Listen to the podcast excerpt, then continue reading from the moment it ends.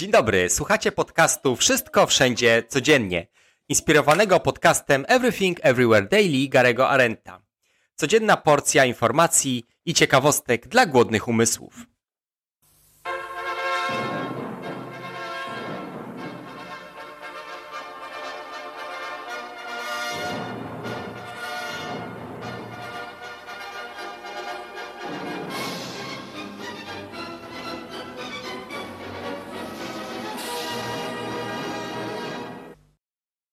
Dzisiejszy podcast jest o założeniu i powstaniu firmy Adidas. O tym, jak bracia Dassler w pierwszych latach po I wojnie światowej założyli i rozwinęli firmę jednego z największych dzisiaj producentów obuwia sportowego i odzieży sportowej. Adi Dassler, czyli Adolf Dassler, urodzony w 1900 roku, oraz jego brat Rudolf, urodzony dwa lata wcześniej, pierwsze kroki w działalności stawiali w 1918-20 roku krótko po zakończeniu I wojny światowej. W małym niemieckim miasteczku powiatowym Herzogenaurach, położonym pod Norymbergą w Bawarii, bracia pomagali ojcu w prowadzeniu zakładu obuwniczego. Sytuacja nie była łatwa, brakowało wszystkiego, e, rąk do pracy, materiałów, klientów. Wskutek tego starszy z braci Rudolf postanowił zostać policjantem i udał się na szkolenie policyjne. Młodszy z braci Adi walczył, kombinował, organizował materiały, na przykład stare spadochrony, chlebaki wojskowe, kawałki mundurów, butów, podeszwy.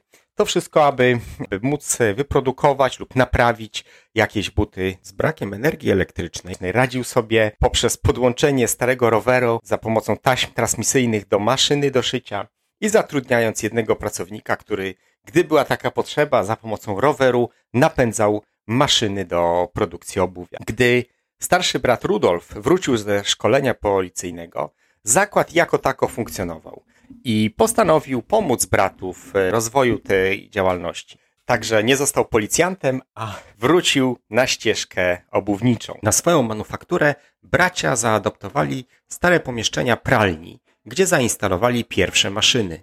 Adi pozyskał pierwsze zamówienia od sportowców i zainteresowała go ta branża. Zaczął eksperymentować z skórzanymi butami, z butami, które miały kolce metalowe, zrobione przez zaprzyjaźnioną po sąsiedzku kuźnię. Eksperymentował z nowymi materiałami, takimi jak skóra rekina czy skóra kangura, po to, żeby buty były nie tylko wytrzymałe, ale i lżejsze. Wtedy także zaczął stosować paski wzmacniające buty, które dzisiaj, które dzisiaj pozostały w logo firmy Adidas. Fabryka braci Dassler, założona w 1924 formalnie jako bracia Dassler Fabryka Obuwia Sportowego, rozwinęła się dzięki dwóm wydarzeniom, które pomogły jej zdobyć klientów, nowe rynki i doświadczenie. Jednym z takich wydarzeń, pierwszym z nich była wizyta, a później współpraca z Józefem Weicerem, który był trenerem niemieckiej reprezentacji olimpijskiej, włączając to biegaczy, jak również piłkarzy. Józef Weicer, widząc, że niektórzy sportowcy odnosili sukcesy w butach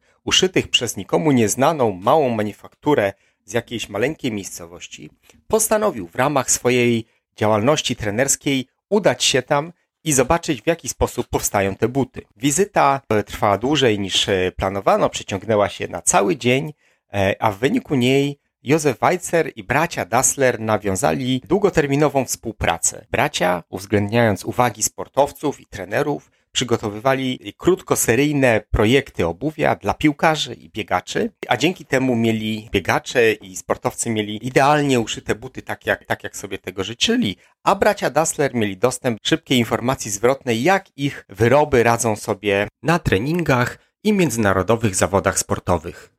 Na efekty nie trzeba było długo czekać. Już podczas igrzysk e, olimpijskich w Amsterdamie obuwie braci Dasslerów było używane w międzynarodowych zawodach. Lina Radke, niemiecka biegaczka średniodystansowa, zdobyła w nich złoto w 1928 roku. Drugim bardzo istotnym wydarzeniem, które wpłynęło na rozwój, na rozwój manufaktury braci Dassler, była zmiana ustrojowa. Narodziny narodowego socjalizmu i gloryfikacja e, kultury fizycznej, siły, sportu. Tego bracia Dassler nie mogli, nie mogli pominąć. Obaj w miarę szybko zapisali się do, zarówno do Partii Narodowo-Socjalistycznej, jak i Adi Dassler był członkiem młodzieży Hitlerjugend, jak również niemieckiego Związku Motorowego, który podobnie jak dwie inne organizacje pozdrawiał się salutem rzymskim. Adi Dassler został trenerem i dostawcą dla klubów niemieckiego ruchu Hitlerjugend. Wstąpił do tego zespołu w 1935 roku. Natomiast później po wojnie w procesie denazyfikacyjnym podkreślał, że współpracował w ramach Hitlerjugend tylko jako trener, unikał wieców politycznych, a także, że był zaangażowany w działalność klubów o innych afiliacjach politycznych, takich jak liberalne, klub gimnastyczny, konserwatywny klub sportowy KHC, Herzogen Oirach czy robotniczy klub sportowy o nazwie Bun. Zarówno Adi jak i Rudolf byli członkami Narodowo-Socjalistycznego Korpusu Motorowego. Na początku 1930 roku Adi, czując braki w swojej wykształceniu, zapisał się do Stofffachschule, czyli technikum obuwniczego. Jednym z instruktorów był Franz Marz. Dassler stał się częstym gościem w domu Marców i zwrócił uwagę na jego 15-letnią wówczas córkę Katie Marc. 17 marca 1934 roku para wzięła ślub. Adi miał wtedy 34 lata, a jego wybranka 17. Nadchodzące Igrzyska Olimpijskie w Berlinie w 1936 roku były w pojęciu Adiego Dasslera kluczową trampoliną do międzynarodowej ekspansji firmy. Chociaż jego związek z trenerem Weizerem sprawił, że większość niemieckich sportowców już nosiła obuwie Dassleru, Adi miał na myśli rynki międzynarodowe i miał na celowniku sportowca czarnoskórego Jesse'ego Owensa, amerykańską gwiazdę lekkoatletyki i światowego mistrza olimpijskiego w biegu na 100, 200 metrów i w skoku w dal.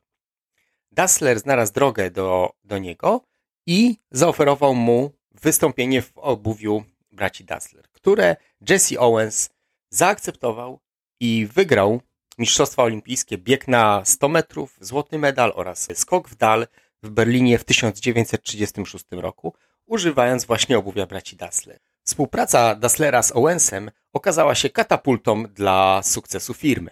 Po igrzyskach w Berlinie do firmy Dassler Shoe Fabrik płynęły zamówienia za oceanu od drużyn baseballowych, hokejowych czy drużyn koszyków. Firma była u progu międzynarodowego sukcesu. Rozwój firmy został zahamowany przez wybuch wojny. W pierwszych latach wojny Firma została częściowo przekształcona w fabrykę do produkcji materiałów wojskowych. Personel został zredukowany, a materiały były trudne do zdobycia. Firma kontynuowała wciąż produkcję butów sportowych Weizer, chociaż niektóre z jej linii piłkarskich butów stały się znane pod wojennymi nazwami Kampf czy Blitz, co oznacza walka, jak również błyskawica. W październiku 1942 roku braki kadrowe stały się tak poważne, że Adi Dassler wnioskował do administracji o przyznanie pięciu radzieckich jeńców wojennych do obsługi linii produkcyjnych. Adi Dassler w 1940 roku został na krótko powołany do wojska. Jednak dzięki staraniu starszemu bratu Rudolfa został uznany za niezbędnego w e, zarządzaniu firmą i zwolniony krótko po powołaniu i przeszkoleniu jako radiotelegrafista. Tymczasem w 1943 roku powołano do wojska starszego z braci Dassler Rudolfa, który został przydzielony do jednostki służącej w e, podłódzkim Tuszynie, gdzie spędził czas aż, aż do 1945 roku. W 1943 roku pod koniec fabryka braci została zamknięta, a jej infrastruktura i pracownicy oraz, y, oraz administracja zostały wykorzystane w ramach totalnej wojny niemieckiej. Do fabryki została przeniesiona produkcja pancerszreków, niemieckich granatników przeciwpancernych, e, następców popularnych pancerfaustów, które służyły do niszczenia radzieckich i alianckich czołgów. W grudniu 1943 roku maszyny szewskie braci Dassler zostały zastąpione zgrzewarkami punktowymi, a armia zdecydowała, że fabryka Dasslera będzie brała udział w produkcji pancerszreku, które były wystrzeliwaną z ramienia bronią skopiowaną z, po zdobytych amerykańskich bazukach. Podobnie jak amerykański prototyp, pancerszreki zostały zaprojektowane, aby były stosunkowo lekkie, a jednocześnie zdolne do przebicia pancerza czołgu. Wykonawcą pancerszreków była niemiecka firma Schinker und Company z siedzibą w pobliskim Wach która przeniosła montaż niektórych części do, ich, e, do tej broni do Herzogen-Oirach, do fabryki braci Dassler, aby uniknąć alianckich nalotów. Prosta konstrukcja broni pozwoliła na szybkie przeszkolenie szwaczek z szycia butów na spawanie celowników i osłon strzałowych na dostarczonych rurach. Bardziej skomplikowaną produkcję rakiet kontynuowano w pobliskim Wach. Do marca 1945 roku powstało w ten sposób 92 tysiące pancerszreków, co było aktywnym udziałem na szybko kurczących się zasobach niemieckich. Chociaż broń ta była niezwykle skuteczna i łatwa w produkcji, jej dostępność i masowa produkcja przyszła zbyt późno, aby uratować losy III Rzeszy. W styczniu 1945 roku Sowieci zajęli Tuszyn, dziesiątkując kompanię, w której służył Rudolf Dassler, który zdezerterował i uciekł do swojej rodzinnej miejscowości. Kiedy wojska amerykańskie dotarły do Herzogenaurach, czołgi zatrzymały się przed fabryką braci Dassler, a dowódca zastanawiał się, czy oddać w nią kilka strzałów. Żona Adiego Kati natychmiast podeszła do dowódcy i argumentowała, że zakład jest po prostu producentem obuwia sportowego. Przypomniała, że w butach wyprodukowanych w tym zakładzie amerykański mistrz olimpijski Jesse Owens zdobył mistrzostwo olimpijskie, jak również ustanowił rekord świata. Amerykanie oszczędzili zakład, Dom rodzinny rodziny Dassler przejęli na swoją kwaterę. Miało to znaczenie przy późniejszym przywróceniu do życia fabryki, ponieważ bliskość administracji amerykańskiej została wykorzystana przez Adiego do zdobycia niezbędnych materiałów. Od lipca 1945 roku prowadzono postępowanie denazyfikacyjne w stosunku do Adiego i Rudolfa Dassleru. Rudolf został aresztowany, przetrzymywany w areszcie w zakładach internowania. Podobnie wobec Adiego trwał proces. Zanim Rudolf został zwolniony, Adi musiał także stawić się przed komisją denazyfikacyjną. Wynik ogłoszono w lipcu 1946 roku, Adi został uznany za aktywnego współpracownika III Rzeszy, czyli drugą najpoważniejszą kategorię nazistowskich przestępców, która obejmowała spekulantów. Adi postanowił walczyć o oczyszczenie swojego imienia i w apelacji zgromadził cały, cały stos dokumentów i zeznań potwierdzających, że jego rola nie była tak duża, a z drugiej strony zajmował się pomocą dla pokrzywdzonych przez reżim hitlerowski.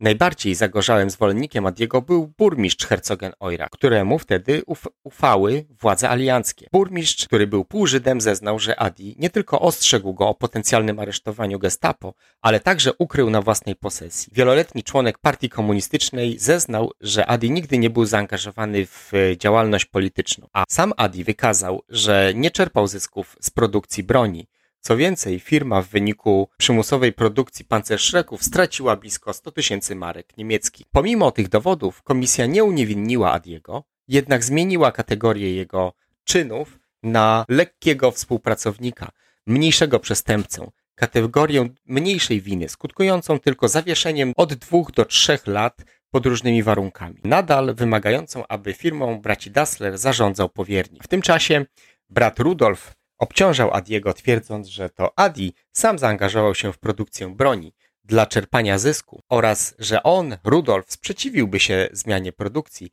gdyby był obecny na miejscu, ale był w wojsku w Tuszynie. Twierdził także, że brat fałszywie go zadenuncjował i że Adi wygłaszał przemówienia polityczne do pracowników zakładu. Wśród dowodów przedstawionych przez adwokata Adiego były zdecydowane zaprzeczenie wszystkich twierdzeń Rudolf. W wyniku procesu denazyfikacyjnego Adiego w 1947 roku przywrócono jako właściciela fabryki i formalnie otrzymał pozwolenie na wznowienie zarządzania firmą i produktem. Przekonanie Rudolfa, że to Adi zadenuncjował go i jego zachowanie podczas apelacji brata uniemożliwiło dalszą współpracę pomiędzy braćmi. Rudolf, jego żona i dwójka dzieci opuścili rodzinny dom i przenieśli się za rzekę, gdzie przejęli drugą fabrykę braci Dassler. W wyniku rozwodu Adi zachował pierwszą fabrykę braci Dassler oraz rodzinną willę.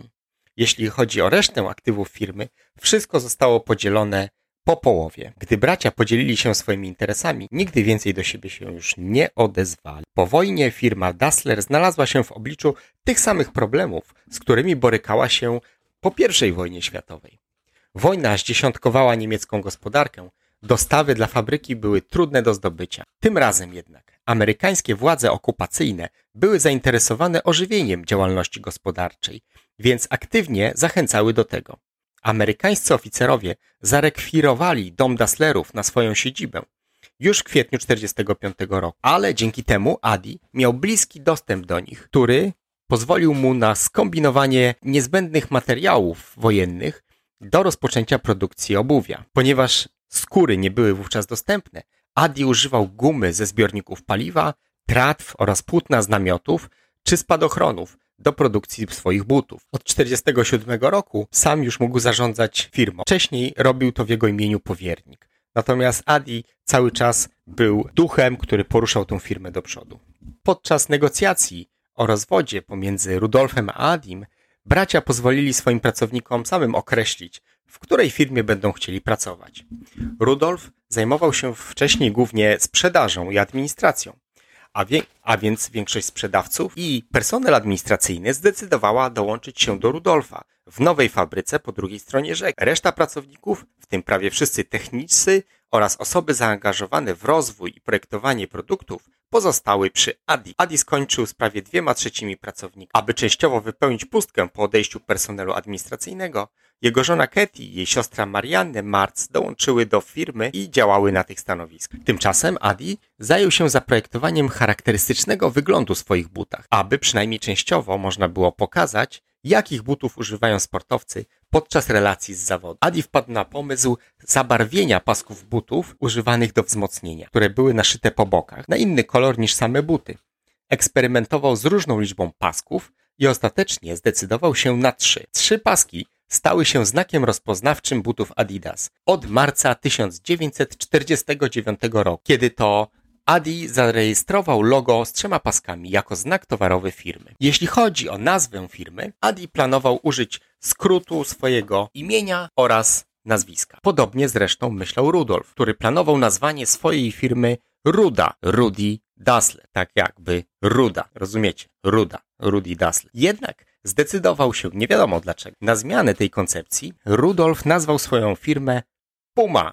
Natomiast planowana nazwa Adidas nie została przyjęta przez sąd rejestrowy, ponieważ była już firma, która produkowała obuwie dziecięce o podobnej nazwie. W związku z czym w rejestracji swojej firmy w sierpniu 1949 roku Adi dodał odręcznie i pomiędzy ad i das, aby uzyskać skrót Adi Dassler Adidas. W rezultacie firma stała się znana pod marką Adidas. Adolf Dassler Schuhfabrik. Przełom w latach 1948-78. Podobnie jak bracia Dassler, Sepp Herberger wstąpił do partii nazistowskiej w 1933 roku. W 1936 po upokarzającej porażce Niemiec w ćwierćfinale z Norwegią na Igrzyskach Olimpijskich w Berlinie, nazistowskie władze sportowe mianowały Herberga trenerem narodowej drużyny piłkarskiej. Kiedy Herberger rozpoczął współpracę z firmą Dassler, po podziale firmy braci Dessler, Herberger stanął po stronie Puma. I początkowo niemieccy futboliści grali w e, butach firmy Puma. Jednak nieporozumienia co do wynagrodzeń za markę i za buty doprowadziły do tego, że Herberger zmienił front i powrócił do współpracy z Adim Dasslerem. Pod wieloma względami lepiej pasował do Adiego który był cichy, chętny do poznawania potrzeb piłkarzy i bardziej innowacyjny niż jego brat Rud. Niemcy Zachodnie, założone w maju 1949 roku, nie kwalifikowały się do Mistrzostw Świata w 1950 roku, pierwszych po wojnie, a więc wszystkie przygotowania zostały poczynione od razu z myślą o Mistrzostwach Świata w piłce nożnej w Szwajcarii w 1954 roku. W tym czasie buty piłkarskie Adidasa stały się znacznie lżejsze niż te produkowane przed wojną. A na Mistrzostwach Świata w Szwajcarii Adi przygotował tajną broń, swoją Wunderwaffe, której nie ujawniał aż do ostatniego meczu. Niemcy Zachodnie dotarły do finału przeciwko przeważającej i faworyzowanej drużynie węgierskiej, która była niepokonana od maja 1950 roku. Wygrała z Niemcami Zachodnimi w fazie grupowej 8 do 3. Pomimo tej porażki, drużyna Niemiec Zachodnich awansowała podczas mundialu w Szwajcarii do rundy pucharowej, dwukrotnie pokonując Turcję. Zespół ten pokonał Jugosławię, Austrię i dotarł do finału, co było wielką niespodzianką. Podczas finału Mistrzostw Świata w 1954 roku w Szwajcarii niemieckie marzenia koncentrowały się wokół uniknięcia kompromitującej porażki z rąk, a w zasadzie z nóg Węgrów tak jak miało to miejsce podczas fazy grupowej. Dzień finału rozpoczął się od lekkiego deszczu, który poprawił lekko dru perspektywę drużyny zachodnio-niemieckiej, ponieważ jej najlepszy gracz, Fritz Walter Wetter, wyróżniał się podczas gry na, w błotnistych warunkach. Deszcz dalej padał. Dassler tuż przed meczem poinformował trenera Herbergera o jego najnowszej innowacji wkręcanych kołkach. W przeciwieństwie do tradycyjnych butów, który miał stałe skórzane kolce, buty Dasslera pozwalały na przymocowanie kolców o różnej długości, w zależności od stanu boiska. Gdy boisko na stadionie Wankdorf w szwajcarskim Bernie drastycznie się pogorszyło, Herberger polecił Adiemu przykręcić te nowe, dłuższe korki. Dłuższe kolce poprawiły pozycję graczy z Niemiec zachodnich w porównaniu z Węgrami, których zabłocone buty były również ciężkie oraz miały gorszą trakcję. Niemcy zorganizowali atak z pleców, wygrywając 3 do 2, co stało się znane jako cud z Berna. Herberger, jako trener na konferencji pomeczowej, wielokrotnie publicznie pochwalił Dasslera. Sława Adidasa przekroczyła granice Niemiec i znowu amerykańscy i europejscy sportowcy zaczęli zamawiać buty małej niemieckiej manufaktury. Adi Dassler był żonaty z Kate aż do swojej śmierci. Mieli piątkę dzieci. W 73 roku syn Adiego i Katie Dassler, Horst Dassler, założył swoją firmę sportową. Producenta sprzętu pływackiego i odzieży pływackiej, firmę Arena. Horst Dassler, działając w Ameryce, zauważył także potencjał rynku związanego z obuwiem dla koszykówki i założył tam firmę Superstar. Adi Dassler nie przestawał zaskakiwać. W 1963 roku zaobserwował, że sportowcy w szatniach często przenoszą infekcje związane z chorobami stóp. Zaproponował nowy rodzaj obuwia. Adilette, czyli klapki pod prysznic. Tak jest. Pierwsze klapki pod prysznic wymyślił Adi Dassler. Adi zarządzał firmą do swojej śmierci w 1978 roku. Potem zarządzanie firmą przejęła żona Kate i jego syn Horst. W latach 90. Adidas stał się spółką giełdową o rozproszonym akcjonariacie a przedstawiciele rodziny Dassler zas zasiadali w jego władzach do późnych lat 2000. Także usłyszeliście dzisiaj w skrócie, jak w ciągu 100 lat, od 1919 roku do 2019 roku, powstała firma, której obroty wynoszą 23 miliardy euro, która zatrudnia 60 tysięcy ludzi. Kto by pomyślał, że przekształcenie starej pralni w warsztat produkujący pierwsze buty w 1919 roku zakończy się takim sukcesem. Determinacja, upór, pracowitość i kreatywność Adiego Dasslera i jego rodziny pozwoliła na stworzenie takich marek jak Adidas, Puma, Arena, Superstar, a także takich innowacyjnych produktów jak buty z kolcami, korki piłkarskie czy klapki pod prysznic. I stało się to pomimo dwóch wojen światowych, wielkich kryzysów gospodarczych i wszelkich przeciwności losu. To nowy podcast, inspirowany podcastem Gary'ego Arenta Everything Everywhere Daily. Jeżeli chcesz nam pomóc, zaobserwuj naszą stronę na Instagramie wszystkowszędzie.pl lub na Facebooku i napisz pozytywny komentarz. Dziękuję bardzo i do usłyszenia jutro.